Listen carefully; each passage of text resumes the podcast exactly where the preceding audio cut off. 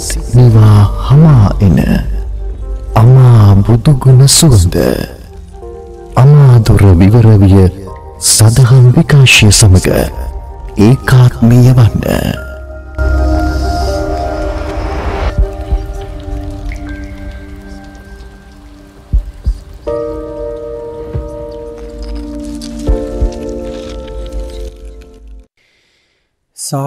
සාධු සාධු සාධු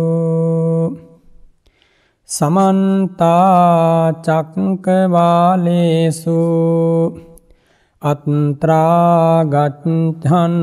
දේවතා සද්ධම්මං මුනි රාජස්ස සුනන්තෝ සංඝ මොක්ඛදම් ධම්මස්සවන කාලෝ අයං භදන්තා. ධම්මස්සවන කාලෝ අයං භදන්තා. ධම්මස්සවන කාලෝ අයං භදන්තා. සුවිසුද්ධ සීලේසු සින්ධූපමස්ස. සමාධිධම්මේසු පට්හවී සමස්ස අනන්තඥානේසු ගගනූපමස්ස නමාමි සිරසා සිරිගෝතමස්ස පිරිසිදු සිල්කන්ද සමුදුරසේමා නිසල සමාධිය මිහිකත සේමා. අනන්තඥානය අහසක් සේමා. සිරිපා අභියස පිණිපාවේවා මෝහන්ධකාරේසු සුරියෝපමස්ස සංසාරසෝතේසු සේතෝපමස්ස දෝසප්පවාහේසු මේඝෝපමස්ස නමාමි සිරසා ධම්මාම තස්ස මොහන්දුර සිඳලන ලාහිරෝසේමා සසරදියඹ මැද පහුරක් සේමා. කෙලෙස් කිලුටුහල වැස්සක් සේමා. සදහම්රුවනට පිණිපාවේවා. පටිපත්ති සාරේසු සම්මාඨිතස්ස උජුභූත මංගේසු යානාගතස්ස කුසලේසු ධම්මේසු ගෙත්තෝපමස්ස නමාමි සිරසා සුගතෝ රසස්ස පිළිවෙත් සරුවෙයි සුවඳක් සේමා දම්රස දනවයි මිහිරක් සේමා පින්ගඟ ගලනා නිම්නයසේමා මහසංගරුවනට පිණිපාවේවා. සාධෝ සාධෝ සාධෝ. නමෝතස්ස භගවතෝ අරහතෝ සම්මා සම්බුද්ධස්ස නමෝතස්ස භගවතෝ අරහතෝ. සම්මා සම්බුද්ධස්ස නමෝතස්ස භගවතෝ අරහතෝ. සම්මා සම්බුද්ධස්ස මිගංතිපල්ලත්ත මනේකමායං අට්හක් කුරං අන්ධරත්තාපපායිං ඒකේන සෝතේන ජමාස්ස සන්තෝ ජයිකලාහිති භෝති භාගිනෙයෝතිති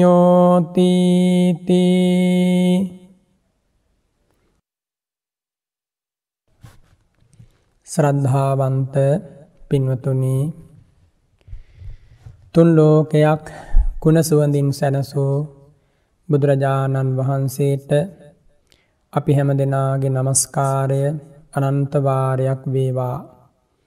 ස්වාමීනී තුන්ලොවක් දිනු ධර්මරාජ බුදුරජාණන් වහන්සේ අප කෙරෙහි අනුකම්පාවෙන් අපට මේ දුකින් අතමිදීම පිණිස පිහිට වන සේක්වා සරණ වන සේක්වා තථාගත හද මඩලින් පැනනැගුණ අමා දහම් ධාරාව හදවත නිවා සිතනිවා ලොවක් සුවපත් කරන හැටි පුදුමයි.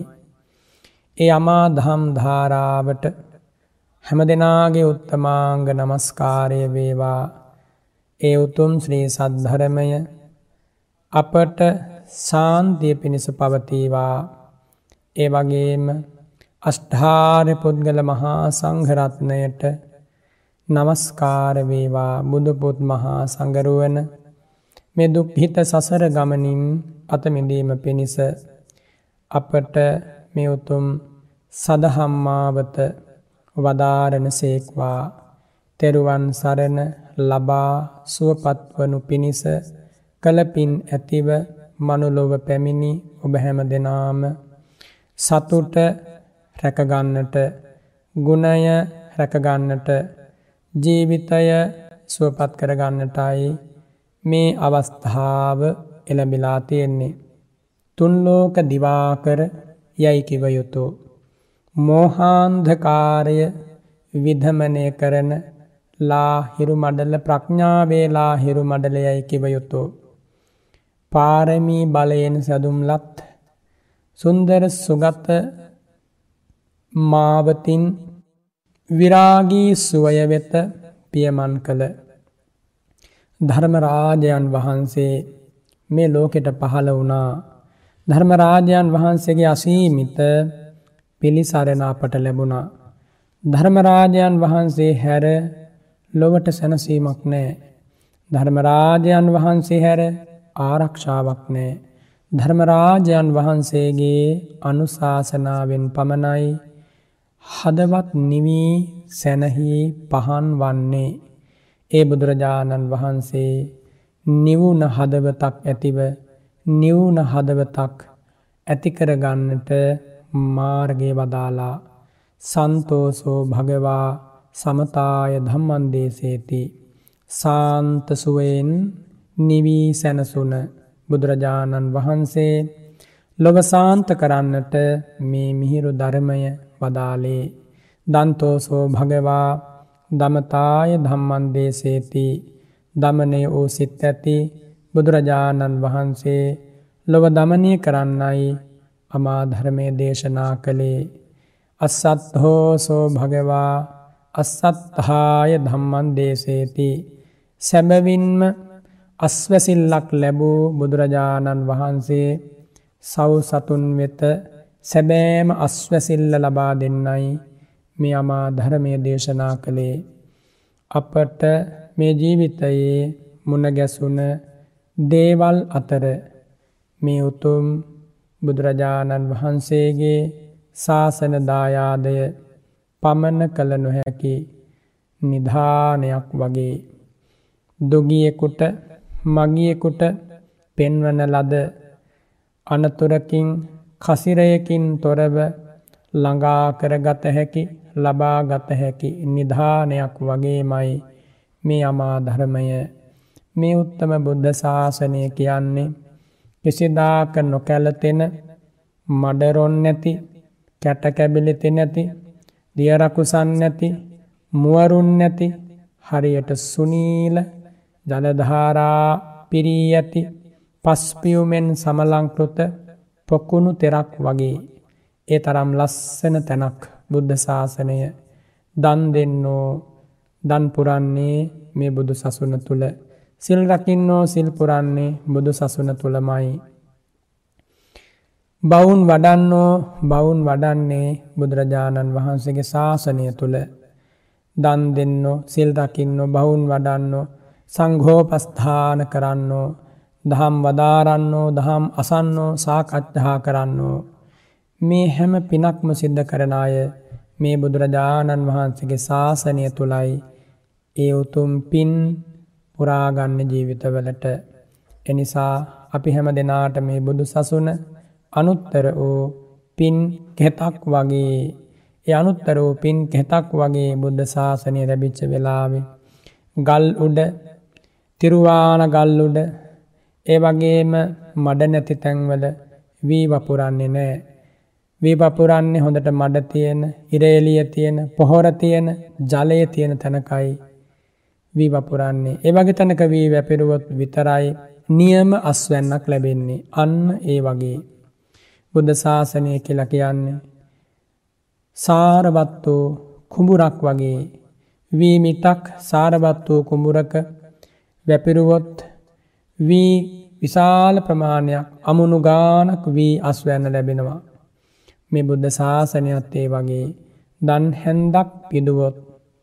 කෙනෙස්සක් පමණ කැඳිත්තක් පිදුවොත්. කෙසල් ගෙඩියක් අඹ ගෙඩියක් පමණ පූජා කළත්. චක්‍රවර්තී රජකම හිම් කොට ලෞකික බොහොමියේ හැම්ම සම්පතක්ම ලැබෙන්නට ඒ පින ප්‍රමාණවත්. එනිසා බුදුරජාණන් වහන්සේ මේ බුද්ධ ශාසනය අපිට ලබා දුන්නේ අපි හැම දෙනාගේ ජීවිත වෙනස් නොවෙන සුවයක් වෙත යා කරන්නට. ඒ භාග්‍යවතුන් වහන්සේට එනිසයි මා ප්‍රකාශ කළේ ඔබ වෙත හිත හිතා වන්දනා කරන්න අනන්තවාරයක් වන්දනා කරන්න ජාති ජාතිත් ප්‍රාර්ථනා කරන්න මට බුදු සරණ ලැබේවා කියලා. ජාති ජාතිත් ඔබ විමසන්න. ඒ බුදුරජාණන් වහන්සේගේ ආශ්චරයමත් ධර්මය ජාති ජාතිත් ඔබ මුණගැහෙන්න ප්‍රාර්ථනා කරන්න මහා සංගරත්නය හැම දෙනාටේ වාසනාව තියෙනවා.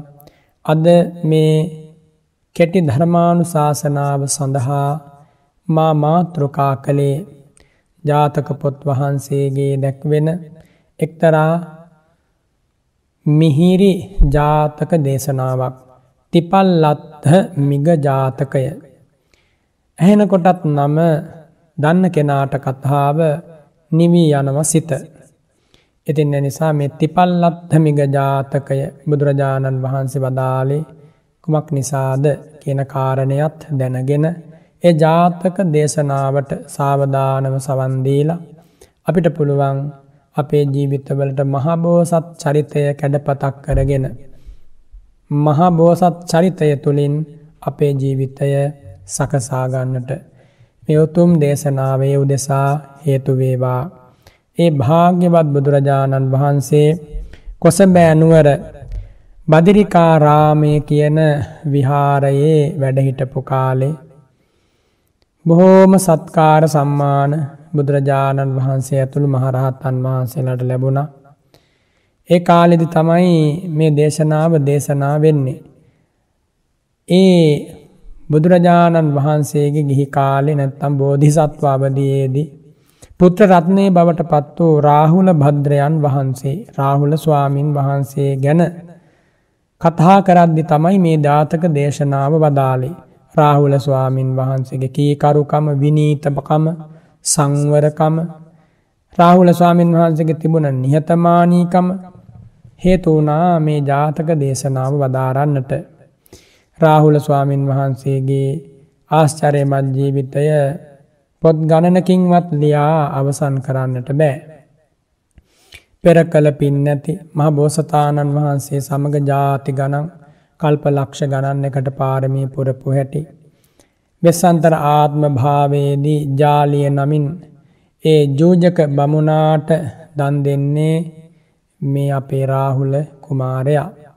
ඉති නේවත් සමග මේ සිදුවීම දෙස බලද්දී අපිට ඉතා ගැඹුරු වූ අවබෝධයක් ඇති වෙනවා මේ රාහුල ස්වාමීන් වහන්සගේ ජීවිතය මොනතරං පුදුම සහගතද ආනු භාව සම්පන්නද ශ්‍රේෂ්ඨද කියන කාරණය සම්බන්ධයෙන්. දවසක්දා ඒ භාග්‍යවත් බුදුරජාණන් වහන්සේ ලෝ සතුන් සුවපත් කරන බලාපොරොත්තුවෙන් වදාළ මේ ජාතක දේශනාව සඳහා කුමක්ද හේතු වනේ. ඒ කාලේ බුදුරජාණන් වහන්සේ අලවුනුවර ඇසුරු කරගෙන අග්ගාලව කියන විහාරයේ වැඩවාසය කළා. අග්ගාලව චේතිය. ඉතින් ඒ කාලේ බහු උපාසකා උපාසිකා භික්හු භික්කුනියෝච විහාරං ධම්ම සවනත්හාය ගච්ඡහන්ති. ඒ කාලෙ බොහෝ උපාසකවරු උපාසිකාවෝ. භික්‍ෂූන් වහන්සේලා භික්‍ෂුණීන් වහන්සේලා කියන මේ සිව්වනක් පිරිසම ධර්මය ශ්‍රවණය කිරීම පිණිස ගමන් කරනවා. ගත්්‍යන්තේ පන කාලේ උපාසිකායෝ භික්කුණියෝචන ගත්හිංසු. කල් ගත වෙනකොට ටික කාලයක් යැනකොට උපාසිකාවොත් භික්‍ෂුණීන් වහන්සේලත් ඒ බණහන්නට නොයා ඔවුන් නතර වුණා. නැත්තං ඒ ධර්ම දේශනාව ශ්‍රවණය කරන්නට ඔවුන්ගේ නෑ. උපාසකවරු සහ භික්‍ෂූන් වහන්සල පමණක් පුරුදු විදිහට ධර්මශ්‍රවණය පිණිස අග්ගාලව චේතියට ගමන් කරනව. මේ අග්ගාලව චේතී දන් තමයි එදා බුදුරජාණන් වහන්සේ මේ මිහිරි ධර්ම පරයායන් දේශනා කොට වදාලේ. උපාසකවරුත් උපාසිකාවොත් එන කාලේ දහවල් තමයි ධර්ම දේශනාව පැවැත්වෙන්නේ. විශේෂයෙන් උපාසිකාවන්ට කරදරයක් නැතිව නිදහසේ දවල් කාලි බණහල යන්න පුළුවන්නේ භික්‍ෂුණීන් වහන්සේලාටත් එහෙමයි.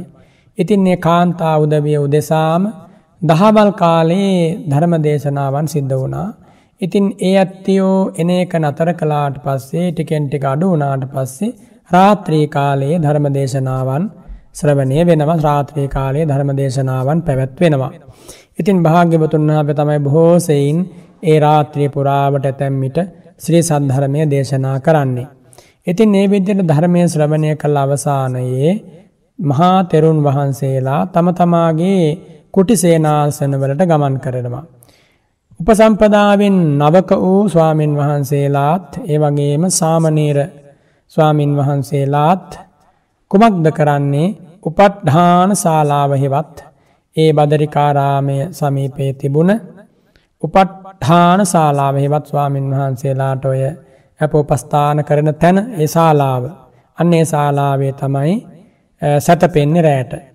ඉතින් පොඩි ස්වාමින් වහන්සේලා උපාසකවරුත් එක්කම ඒ ශාලාවේ තැනින් තැන පැදුරු වෙලාගෙන සැතපෙනවා.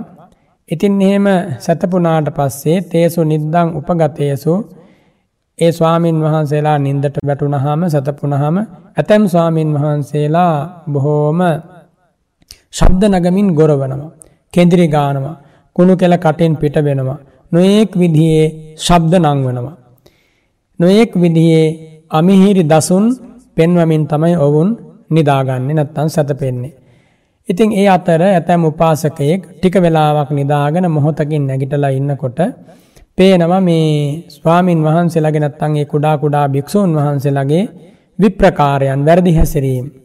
ඉතින් ඒවා දැකලා භාග්‍යවතුන් වහන්සේ වෙත ගමන් කරලා මේ උපාසකවරු නැත්තම් මේ ස්වාමීන් වහන්සේ එකතු වෙලා මේ පණිවිඩය මේ කාරණය දැනුම් දුන්න බුදුරජාණන් වහන්සේට. ඉතින් භාග්‍යවත් බුදුරජාණන් වහන්සේ ඒ වෙලාවේ ශික්ෂාපදයක් පනවා වදාලා යෝපන භික්කු අනුපසම්පන්නේන සහසයයන් කප්පේය පාචෙත්තියන් කියලා. යම් භික්‍ෂූන් වහන්සේ නමක් අනුපසම්පන්න කෙනෙකු සමඟ ඒ කියන්නේ උපසම්පදා නොවිච්ච කෙනෙක් සමඟ එකට නිදාගන්නවා නම් ඒ කැන එකම කුටියක එක වාහලයක් යට සැතපෙනවනං උපසම්පදා භික්‍ෂුවට පචිතයක් වෙනවා කියලා ඔන්න වදාලා. ඒ විදිර ශික්ෂාපදයක් පනව නැවතවතාවක් පෙරලා කොස බෑනුවරට වැඩම කලා. ඉතින් ඒ කාලෙ මේ රාහුල ස්වාමීන් වහන්සේ බොහෝම කීර්තිමත් කෙනෙක් කීර්ති ධාරී ස්වාමීන් වහන්සේ නමක්. ඉතින් ඒ රාහුල ස්වාමීන් වහන්සේ තවසක්දා ඒ අග්ගාලම චේතියේ වැඩවාසය කරමින් ඉන්න කාලේම එක්තරා උපසම්පදා ස්වාමීන් වහන්සේ නමකගේ කුටියට වඩිනව රාත්‍රිය ගත කරන්න. රෑකාලෙ ගත කරන්න. ඉතින් එහෙම වැඩියට පස්සේ ඒ ස්වාමීන් වහන්සේ බොහොම ශික්ෂාකාමී කෙනෙක් ඒ ස්වා ලොකු ස්වාමීන් වහන්සේ ප්‍රකාශ කරනවා ආවුසෝ රාහුල භගවතා සික්හා පදම් පඥත්තං ඉදානිත්වන් අත්තනෝ වසනට්හානන් ජානාහි. ඒ භාග්‍යවතුන් වහන්සේ ශික්ෂාපදයක් පනවලයි තියෙන්නේ. භාග්‍යවත් බුදුරජාණන් වහන්සේ ශික්ෂාපද පැනෙව්වා. ඉතිං ඒ ශික්ෂාපදයක් පනුවපු නිසා මට හැකියාවක් නෑ ඔබට මේ විහාරය නැත්තම් මේ කුටියේ ඉන්නට ඉඩ දෙන්න. ඔබ තමන්ට සුදුසු විහාරයක් බලලා සේනාසනයක් බලල එහි වාසය කරන්න කියලා මේ වැඩිහිට ස්වාමින් වහන්සේලා රාහුල ස්වාමින් වහන්සේට ප්‍රකාශ කළා. ඉතින් ඒ වෙලාවේ රාහුල ස්වාමින් වහන්සේට මොනවා හිතෙන්නට ඇතිද. පෙර දවස්වල භික්‍ෂූන් වහන්සේලා බුදුරජාණන් වහන්සේ ගැන අසීමිත ගෞරවයක් තියෙනවනි. ඒ අසීමිත ගෞරවයක් රාහුල ස්වාමීන් වහන්සේගේ ගැන ශ්‍රාහුල ස්වාමීන් වහන්සේ පිළිබඳව තියෙන අසීමිත ගෞරවයක් නිසා රාහුල ස්වාමීන් වහන්සේ යම් ස්වාමීන් වහන්සේ කෙනෙකුගේ කුටියට වැඩියොත් තමන්ගේ ඇඳ පවා එමනත්තං කුඩා ඇඳක් පනවල හෝ ඒ රාහුල ස්වාමීන් වහන්සේට ලබා දෙනවා. සැතපීම පිණිස. ඇතැම් වෙලාවට කුඩා ඇඳක් පනවල තමන්ගේ දෙපොට සිවර දෙනවා රාහුල ස්වාමීන් වහන්සට හිසේ තබාගන කොට්ටෙට. ඉති මේ විදියට උපකාර කරපු ස්වාමීන් වහන්සේලා ශික්ෂාපදය කැඩේ කියන බයෙන් ඒ ස්වාමීන් වහන්සේලා ප්‍රකාශ කරනවා රාහුලයන් වහන්ස ඔබ වහන්සේ සුදුසු තැනක නවාතැන් ගන්න අපේ කුටිවල ඔබවහන්සේට නවාතැන් දෙන්නට බෑ නවාතැන් ලබා දෙන්නට බෑ හේතුවකුමක්ද. ශික්ෂාපදය කැඩේ කියන බය. ඉතින් මෙහෙම ප්‍රකාශ කලාට පස්සේ රාහුල ස්වාමීන් වහන්සේට කිසිම මාන්‍යයක් අහංකාරකමක් ඇති වුණේ නෑ. ඒ ස්වාමීන් වහන්සේට නිකංවත් හිතුනෙ නෑ පිතා මේ දස බලස් මගේ තාත්තා සම්මා සම්බුදුරජාණන් වහන්සේ මගේ උපාධ්‍යායන් වහන්සේ ධම්ම සේනාධිපති සාරීපොත්ත ස්වාමින් වහන්සේ මගේ ආචාරයන් වහන්සේ මහ මොග්ගල්ලානොතුමන් වහන්සේ මගේ බාප්ප වෙන්නේ ආනන්ද ස්වාමීන් වහන්සේ මම මේ උතුමන් වහා පෙළ ළඟට ගිහිල්ල මට වෙච්ච අසාධාරණය ගැන කියන්නට ඕන කියලා එහෙම සිතිවිල්ලක්වත් හිතටාවෙන රාහුල ස්වාමීන් වහන්සේගේ බලන්න මොන්න තරන්නන් නිහතමානී කමක්ද. ඒ විදිහට බොහෝම නිහතමානය විතින්ගේ ස්වාමීන් වහන්සේ දා බලනව රාත්‍රී කාලය කොතනද වැඩඉන්නේ. ඉතිං වැඩඉන්න තැනක් විමසනකොට බුදුරජාණන් වහන්සේ පාවිච්චි කරන වැසිකිලිය දැක්කා. ඉතින් ඒ වැසිකෙලියට ගිහිල්ලා රෑ එලි වෙන කම්ම වැසිකිලිය ඇතුළට වෙලා කල්ගත කළා. ඒ වැසිකිලිය සාමාන්‍ය වැසිකිලියක් වගේ නෙමෙයි. බුද්ධානන්හි වලංජන කුටියන් දවාරං සුපිහිතං හෝති ඒ වැසිකිලිය දොර මනාව වහලයි තියෙන්නේ. ගන්ධ පරිබන්ධ කතා භූමි ඒ පොළව බොහෝම වටිනා සුවඳ වර්ගවලින් පිරිබඩ කරලා නැත්තං පොළවේ සුවඳ වර්ගාලේප කරලා. ගන්ධදාම මාලාදාමානි ඕසාරිතානය මොහොන්ති. සුවඳ මාලා සුවඳ මාලා ඒ වගේම ගන්ධමාලා මේ වගේ දේවල් ඒ වැසිකිලිය බොහෝ තැන්වලින් වියනක් හැටියට ඒ වියනෙන් එල්ලෙනවා. සුවඳ මල් වර්ග එල්ලෙනවා. ඉතින් ඒ වගේ බොහෝම ඉඩ කඩ තියෙන සුවඳවත්තෝ තැනක් තමයි තතහාගතයන් වහන්සේගේ ඒ වච්්‍යකුටි සේනාසනය ඒවාගේ මේ සේනාසනයේ මුළු රෑ පුරාවට නැත්තන්ගේ වැසි කෙලිය මුළු රෑ පුරාවට පහන් දැල්වෙනවා. ඕනම වෙලාවක භාග්‍යතුන් වහන්සේට පහසුවෙන් වඩින්නට හැකිවේවා කියලයි ඒ පහන් දල්වලා තියෙන්නේ. ඉතින් රාහුල ස්වාමීන් වහන්සේ මේ වැසිකිලිය රෑගත කරන්නට ඕන කියලා තීරණය කළේ වෙන දෙයක් නිසා නෙමෙයි. එකම දේ තමයි වැඩිහිටි ස්වාමීන් වහන්සේලා ප්‍රකාශ කලානේ රාහුලයන් වහප දැන් ඔබට අපේ කුටිය ඉන්න ලැබෙන්නේ නෑ ඔබ සුදුසු තැනක් විමසලා විම සුදුසු සේනාසනයක කල්ගෙවන්න කියලා. එහෙම වදාළ හින්ද තමයි මේ විදියට රාහුල ස්වාමීන් වහන්සේ තතාගතයන් වහන්සේගේ ඒ වැසි කිලියට නැත්තං ඒ වච්චකුටි සේනාසනට ඇතුල් වෙලා රාත්‍රී ගත කළේ. වච්චකුටි සේනාසනයේ තියෙන සැපසම්පත් දැකල නෙමෙයි ඒ ස්වභාව ඒ වටිනාකම දැකල නෙමෙයි රාහුල ස්වාමීන් වහන්සේ මෙම රාත්‍රයේ ගත කිරීම පිණිස මේ වැසිකිලියට ගමන් කළේ. එන කුමක් දැකලද අර ස්වාමින් වහන්සේලා පිළිබඳව ගෞරවයමා පැවැත්විය යුතුයි කියන කාරණය හිතේ දරාගෙනයි උන්වහන්සේ වැඩම කළේ. රාහුල ස්වාමීන් වහන්සේ පුදුමාකාර ශික්ෂා ගෞරවයකින් යුක්ත විනය ගෞරවයකින් යුක්ත ශික්ෂාකාමීන් අතර අග්‍රස්ථානය මේ බුද්ධ ශාසනයේ හිමි කරගත්ත උතුමන් වහන්සේ. ඉතින් රාහුල ස්වාමීන් වහන්සේ වඩිනකොට ඒ කාලෙ හිටපු උපසම්පදාවෙන් ටිකක් වැඩ හිටි ස්වාමීන් වහන්සල මොකද කරන්නේ? රාහුල ස්වාමීන් වහන්සගේ කී කරුකම රාහුල ස්වාමීන් වහන්සේගේ නිහතමානීකම බලන්න කියලා ඉදල් කොහු මේ වගේ දේවල්. රාහුල ස්වාමීන් වහන්සේ එන පැත්තට විසි කරනවා. විසි කරලා ඒ ලොකු ස්වාමීන් වහන්සේලා ප්‍රකාශ කරනවා අවුසෝ ඉමං කියන චඩ්හිතං කෞද මේ ඉදල් කොහො විසි කරලා තියෙන්නේ? කෞද මේ කුණු දාන අයින් කරන භාජනය විසි කරලා තියෙන්නේ? ආදී වශයෙන් රාහුල ස්වාමීන් වහන්සේට ඇහෙන්න කියනවා. ඉතින් එහෙම කියනකොට තව ස්වාමීන් වහන්සේ කෙනෙක් ප්‍රකාශ කරනවා රාහුලෝ ඉමිනා මග්ගේන ගතෝ මෙන්න මේ පැත්තෙන් රාහුල භද්‍රයන් වහන්සේ ගමන් කළා.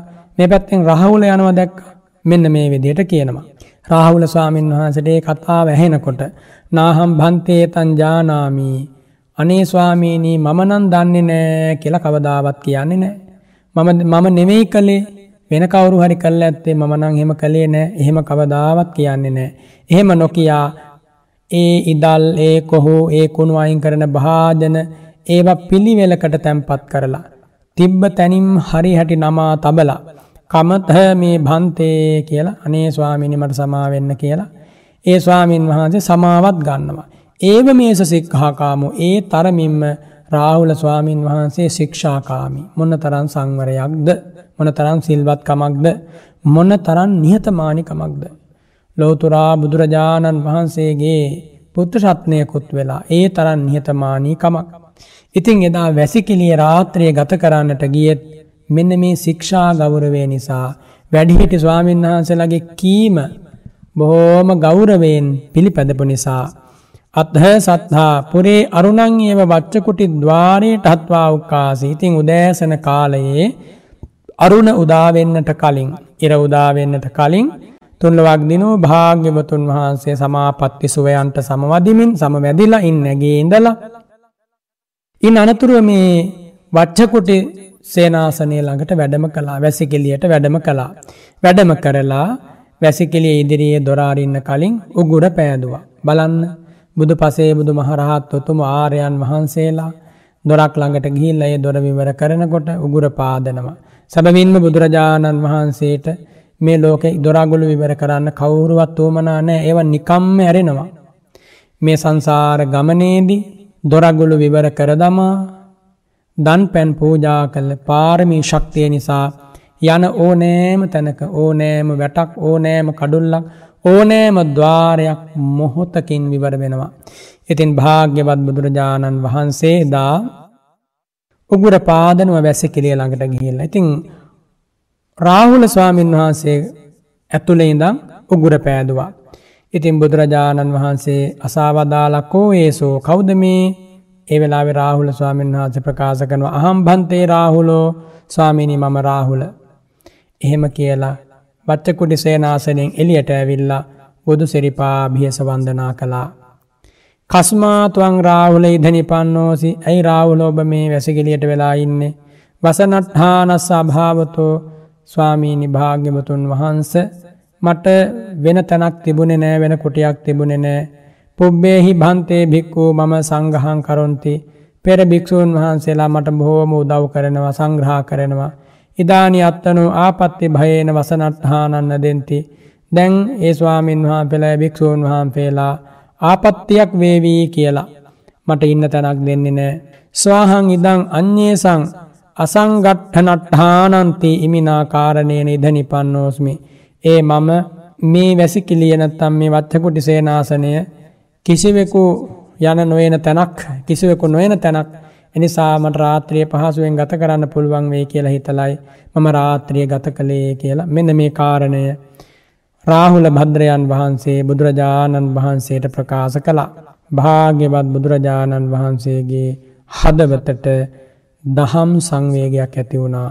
රාහුල රාහුලංතාව භික්කූ ඒබම් පරිච්ච ජන්තේ අන්නේ කුලධාරකයේ පබ්බාජිත්වාකින් කරිස්සන්ති රාහුල පැවිදි කරලා රාහුලටත් එහෙම කරන වනං මේ ශාසනය තුළ අනෙක් කුල දරුවෙක් වෙනයම් දරුවෙක් පැවිදිවුණොත් ඒ දරුවට මොන ඉරණමක් අත්වෙයිද කියලා මෙන්න මේම කල්පනා කරද්දී බුදුරජාණන් වහන්පිර දහම් සංවේගය ඇති වුණා. දහම් සංවේගය කියන්නේ දවේශයක් නෙමෙයි.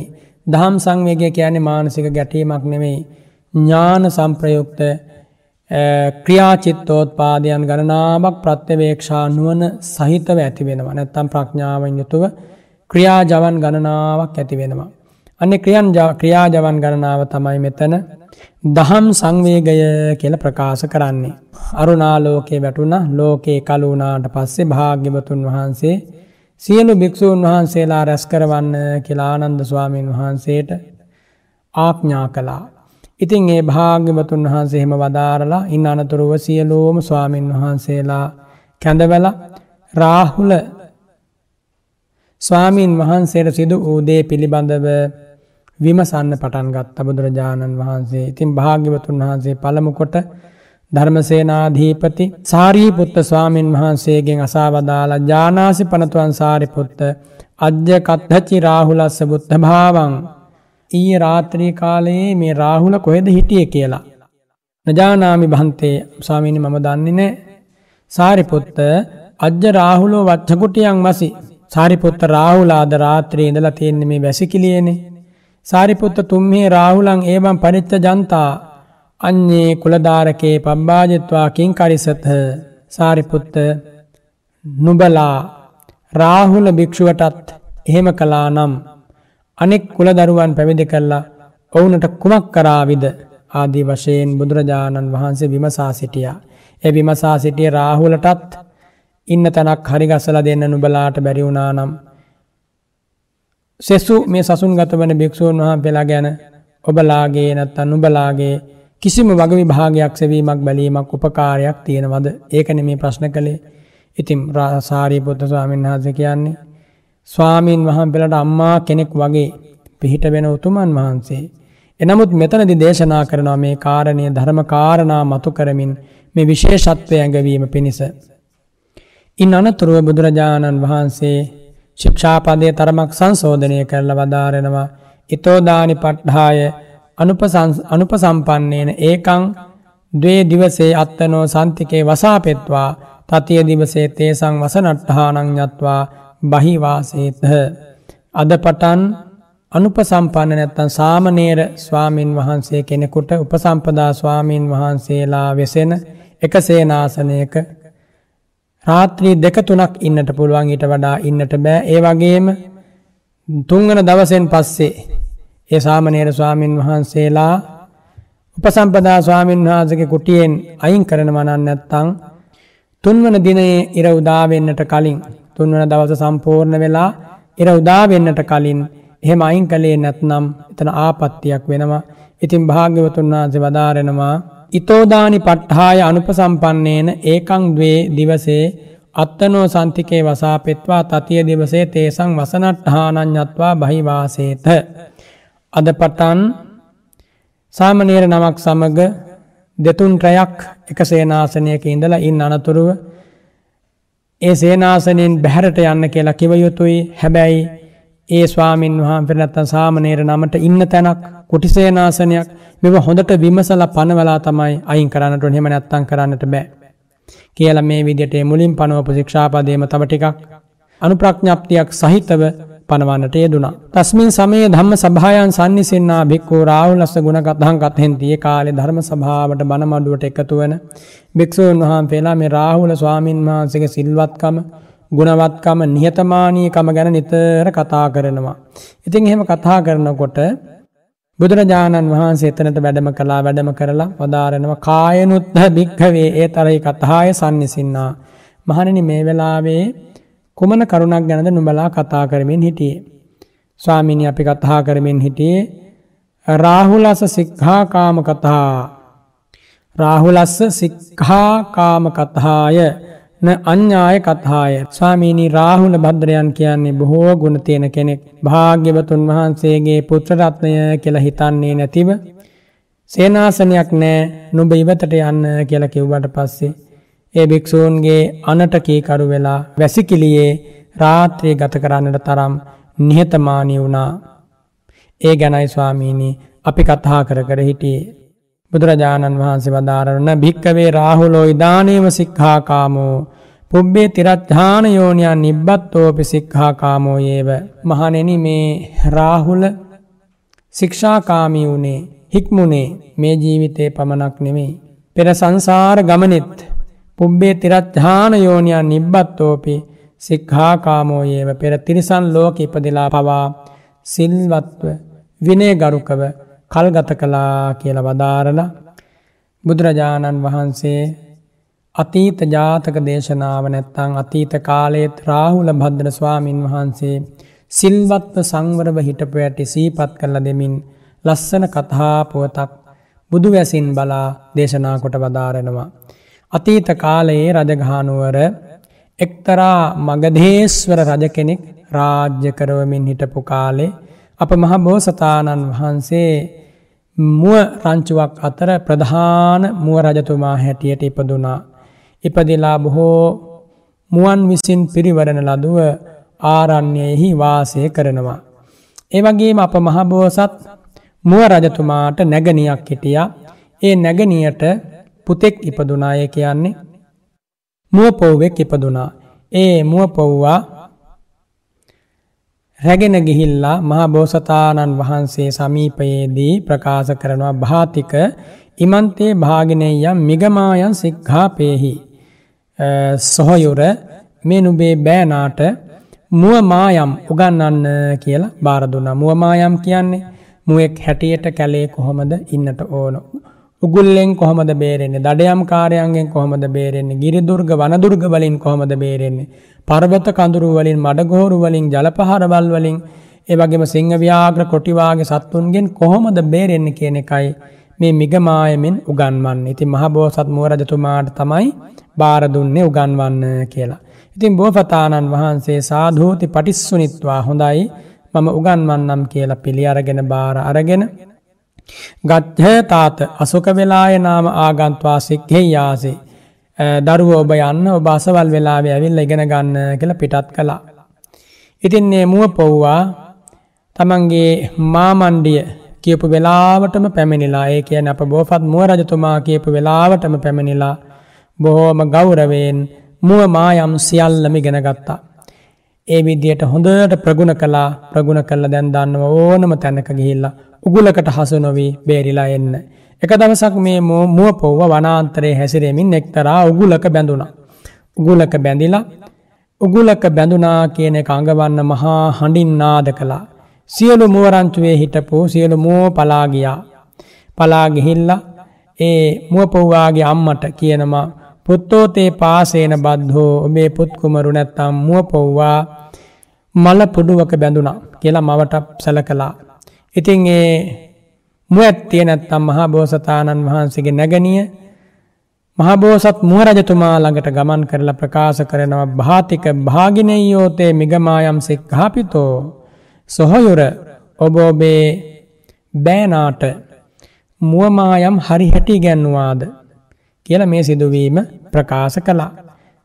මහබෝසත් මුව රජතුමා ප්‍රකාශ කරන මාතුවම් පුත්තස්ස කිංචි පාපකං ආසංකි සුග්ගහිතාතේන මිගමායා ඉදානිතං හාසමානෝ ආගත් හිස්සතීති නැගනිය ඔබ බියනවන්න ඒ මුව පොව්වාට අනතුරක් දුකක් විපතක් ඇතිවුණා කියලා හිතන්නට එපා. මවිසින් මනාව මුව මායම් සියල්ල ඒ මුව පොව්වට ඉගැන්නවා. ඒ මුව පොව්වත් ඒ මුවමායම් මනාව ඉගෙන ගත්තා. තව ටික වෙලාවකින් ඒ මුවමායම් යොදල ඒ උගුලෙන් බේරිලා අපව හිනස්වමින් සතුටු කරමින් ඒ මුව පොව්වා පැමිණේවී කියලා එදා මහා බෝසත් මුව රජතුමා වදාරෙනව කුමක්ද මිගං තිපල්ලත්හ මනේකමායන් අට්හක් කුරං අඩ්ඩරත්තාපපායින් ඒකේන සෝතේන තමාස්ස සන්තෝ තයි කලාහීති භෝති භාගිනයෝ කියලා බණපදයක් නැත්තං අවවාදයක්. තිපල්ලත්ත මනේක මායන් මිගං. අනේක මායම් දන්නා වූ තිපල්ලත්ත නම් වූ කුර අටක් ඇති රාත්‍රී කාලයේ ජලයපානය කරන ඒ මුව පොව්වා. චමාස්ස සන්තෝ ඒ උගුලට හව්වෙලා ඉන්න වෙලාවේ කනකින් හුස්ම ගැනීමේ හැකියාව පුහුණු වෙලා තියෙන නිසා බිමට හේතු වෙලා තියෙන කනෙන් හුස්ම ගැනීම ඉතා සියුම සිද්ධ කරනවා නමුත් බඩ පිම්බෙන්නේ ආදී වශයෙන් එහෙම පිටට පේනෙ නෑ හුස්ම වැටෙනවා කියලා. මෙන්න මේ විදිහට මිගමායම් තියෙනව තව බොහෝ ගණනක් ඒව පාවිච්චි කරලා ඒ මුව පොව්වා නොබෝ වෙලාවකින් පැමිණේවි කියලා මේ ගාථාව වදාලා. මිගං කියල කියන්නේ භාගෙනය මිගංය කියන්නේ තමන්ගේ බෑනාවන මුව පොව්වා. තිපල්ලත් හං කියන පල්ලත් හං මුච්චති සයනං. පල්ලත් හය කියල කියන්නේ පාලියෙන් සයනය හෙවත් ඇඳ නැත්තං වැතිරෙන තැන. ඔබෝහි පස්සෙහි උජුක මේවච නිපන්නක වසේන තිහාකාරෙහි පල්ලත්හං අස්ස තිනිවා පල්ලත්හානි අස්සාතේ තිපල්ලත් හෝ කියලා ඒ බණ පොතේ ඒ නම හැදිලා තියෙන හැටි දේශනා කරනවා. ඒ කියන්නේ කොහොමද? දකුණු ඇලයෙන් ඇතිරෙනවා වම් ඇලයෙන් ඇතිරෙනවා. ඒ වගේම ඉදිරියේ මුව ප්‍රදේශයේ බිම තබාගෙන ඍජුව වැතිරෙනවා. මේ ආකාර තුනෙන්ම වසිව්පා සතුන්ට වැතිරෙන්න පුළුවන්. මුවෝ වගේ සත්තුන්ට සිංහයෝ, ව්‍යාග්‍රය වගේ සතුන්ට දකුණු ඇලයෙන්ද වම් ඇලයෙන්ද ඒ වගේම මුහුණ බිමට හොම්බ තියලා කකුල් දෙක ඉදිරියෙන් දිගු කරලා එහෙම වැතිරෙන්නත් පුළුවන්. ඉතින් මේ ආකාර තුනෙන් වැතිරෙන නිසා තිපල්ලත්හ කියන නම මේ මුව රෑනට නැත්නම් මේ මුව රංචුවට නැත්නම් මේ මුවාට ලැබිලා තියෙනවා. තිපල්ලත්හ. අනේක මායන් කියලා කිව්වේ බහූ මායන් බහුවංචනං ඒ මුවා මුව පොව්ව හොඳට ශිල්ප ඉගෙන ගත්ත නිසා දන්නම ඕනම වෙලාවක වැද්දාව රවට්ටලා බේරෙන්න. අට්ටක් කුරං කියලා කියන්නේ කුර අටක් තියෙනවා. ඒ කියන්නේ මුවන්ගේ එක පාදයක කුර දෙක බැගින් පා හතරේ කුර අටක් තියෙනවා.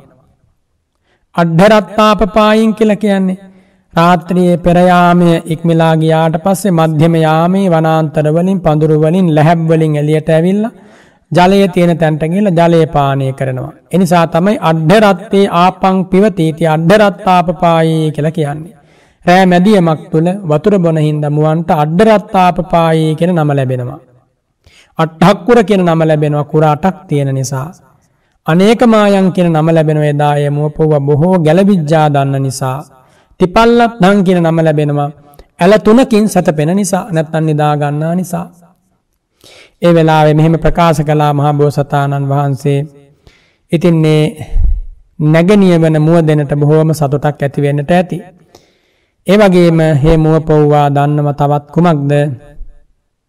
යතහා ඒකේන සෝතේන චමාස්ස සන්තෝ ජහි කලාහීති භෝති භාගිනේයෝ කියන කාරණය. එයින් කුමක්ද කියන්නේ?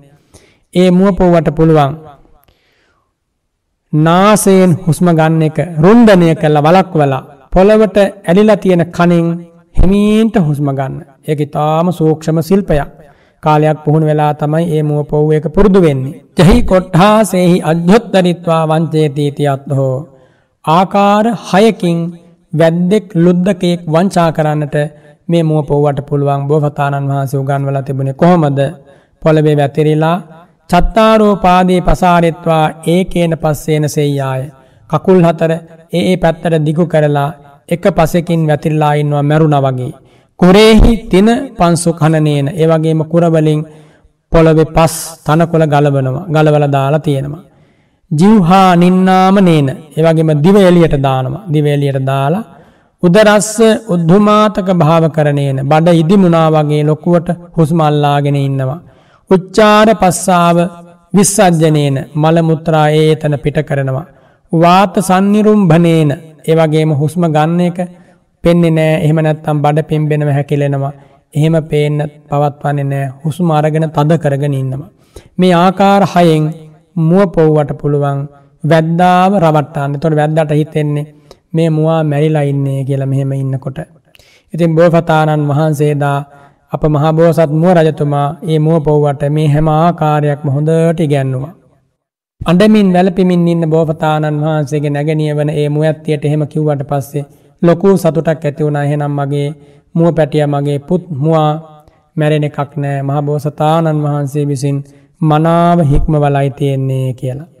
ඉතින් ඒ කිව්ව වගේම ඒ මුවා මොකක්ද කළේ අවිපන්දිත්වායේව කම්පාවට බයට පත්වෙන් නැතිව මහා පොළවේ එක ඇලයකින් වැතිරිලා පාදයන් දෙකු කරලා පාදයන්ට සමීප තැන පස් අයින් කරලා කුරවලින් පහරදින පොළව හාරලා තනකොළ ගලවල දාලා මලමුත්‍රා පිට කරලා හිස පාත් කරගෙන දිව එළියට දාගෙන ශරීරයෙන් නැත්තම් කටෙන් කෙළබේරෙද්දි ඒ වගේම බඩ පුම්බාගෙන ඇස් කරකවාගෙන නාස් දෙකේ උඩනාසයෙන් හුස්ම ගැනීම නවත්තල යටනාසයෙන් නාසිකා සිදුරෙන් බොහෝම සියුම් ලෙස වාතයේ එළියට යවමින් නැවත ඇතුළට ගනිමින් බඩ පිම්බිලා තියෙන බවම පෙන්වමින් මුළු ශරීරයම තද කරගෙන මැරිච්ච ආකාරයක් දක්වමින් ඒ මුව පොව වැතිරලා හිටිය. මේ වැද්දා එනකොට.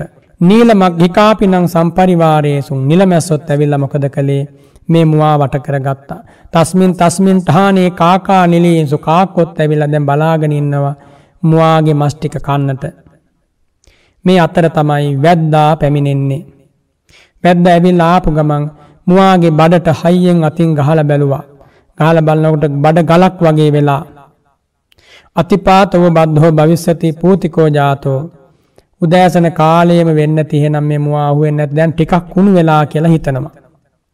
එහෙම හිතලා බන්ධන රජ්ජුකම් මෝචෙත්වා.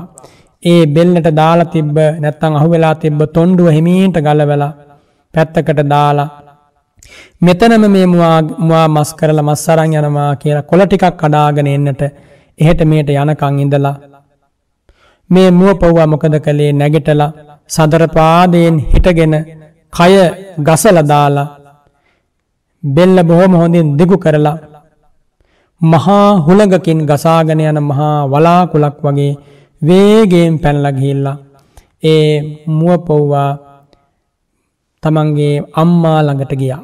තමන්ගේ මෞතුමිය ළඟට ගියා.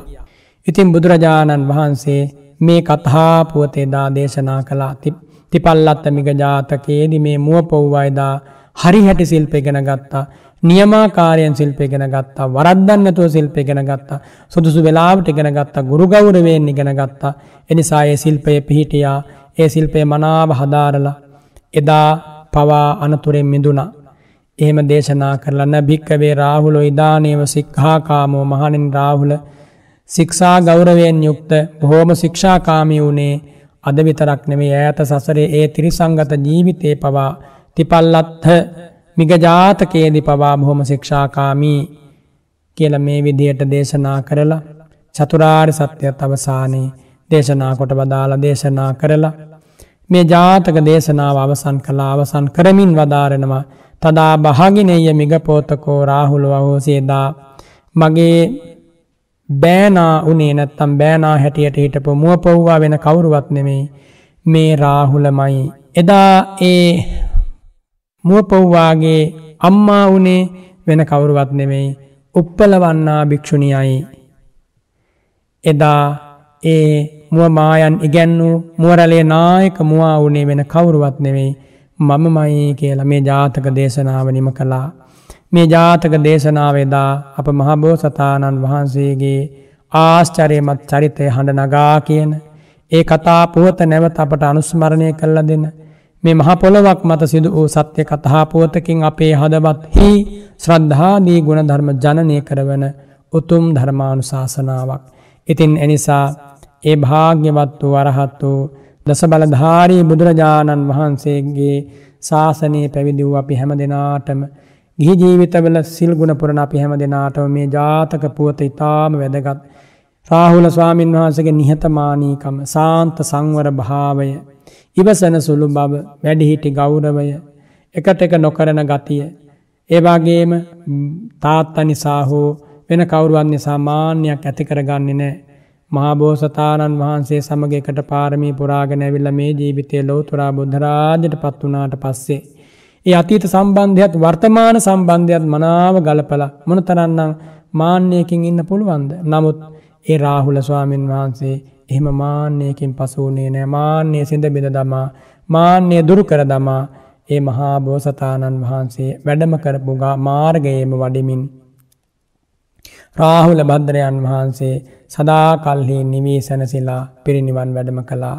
එනිසා ඔබත් නිහතමානී වෙන්න ගුණගරුක වෙන්න මේ ධරමයට සාධර භක්තිමත් වෙන්න මේ දහම් අවබෝධ කරගන්න දහම් සුවවිඳින්න සංසාරය දුකයි එපිදේ පෙද මැරි මැරි යනවා මේ භවගමනින් අතමි දෙන්න නම් සැනසීම අපිට ඇති එකම මේ අමානිවන පමණයි.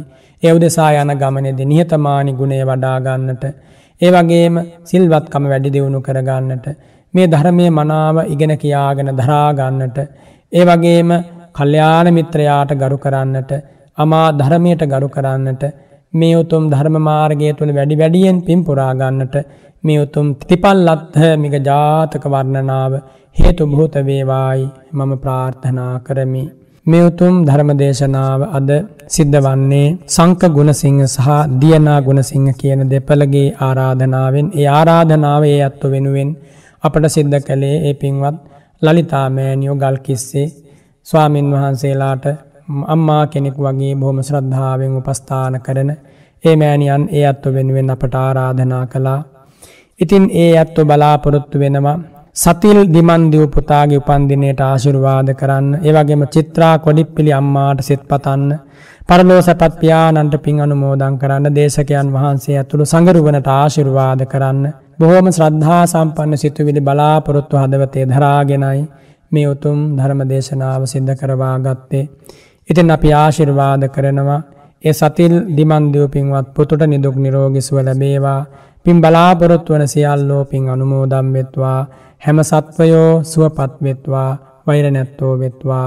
සංසාර සාගරයෙන් අතමිදේවා පින්වත් ලලිතා මෑණියන් ඇතුළු හැම දෙනාටම සෙතක් ශාන්තියක් වේවා කියලා අපි ආශිර්වාද කරනවා ප්‍රාර්ථනා කරනවා.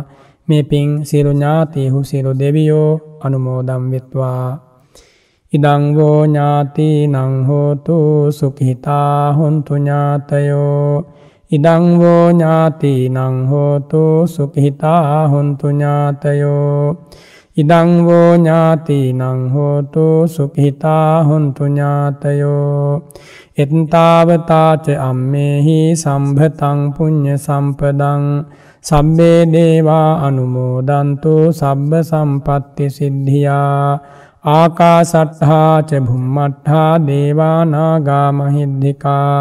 නාග මහිද්దికා පුඤ්ඤන්තං අනුමෝදිත්වා චිරං රක්ඛන්තු සම්බුද්ධ ශාසනං චිරං රක්ඛන්තු සම්බුද්ධ දේශනං චිරං රක්ඛන්තු සම්බුද්ධ ශාවකං චිරං රක්ඛන්තු මම් පරං චිරං රක්ඛන්තු ත්වං සදාති මෙපින් බලයෙන් සියලු සත්වයෝ වෛර නැත්තෝ වෙත්වා තරහ නැත්තෝ වෙත්වා දුක් පීඩා නැත්තෝ වෙත්වා සුවපත්ව නිවී සැනසෙත්වා. හැම දෙනාගේ ජීවිතවලට සෙතක් ශාන්තියක් වේවා. අභිවාදන සීලිස්ස නිච්චං වද්ධා පචායිනෝ. චත්තාරෝ ධම්මා වඩ්ඩන්ති ආයුවන්නෝ සුඛං බලං. ආයු ආරෝග්‍ය සම්පatti සග්ග සම්පatti මේවච. අත්හෝ නිබ්බාන සම්පatti ඉමිනාතේ සමිජ්ජතු. සාධු සාධු සාධු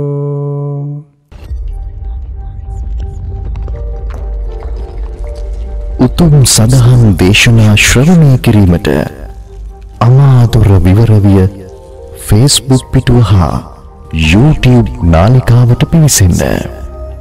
ධර්ම ශ්‍රවණය කළ ඔබ සියලු දෙනාට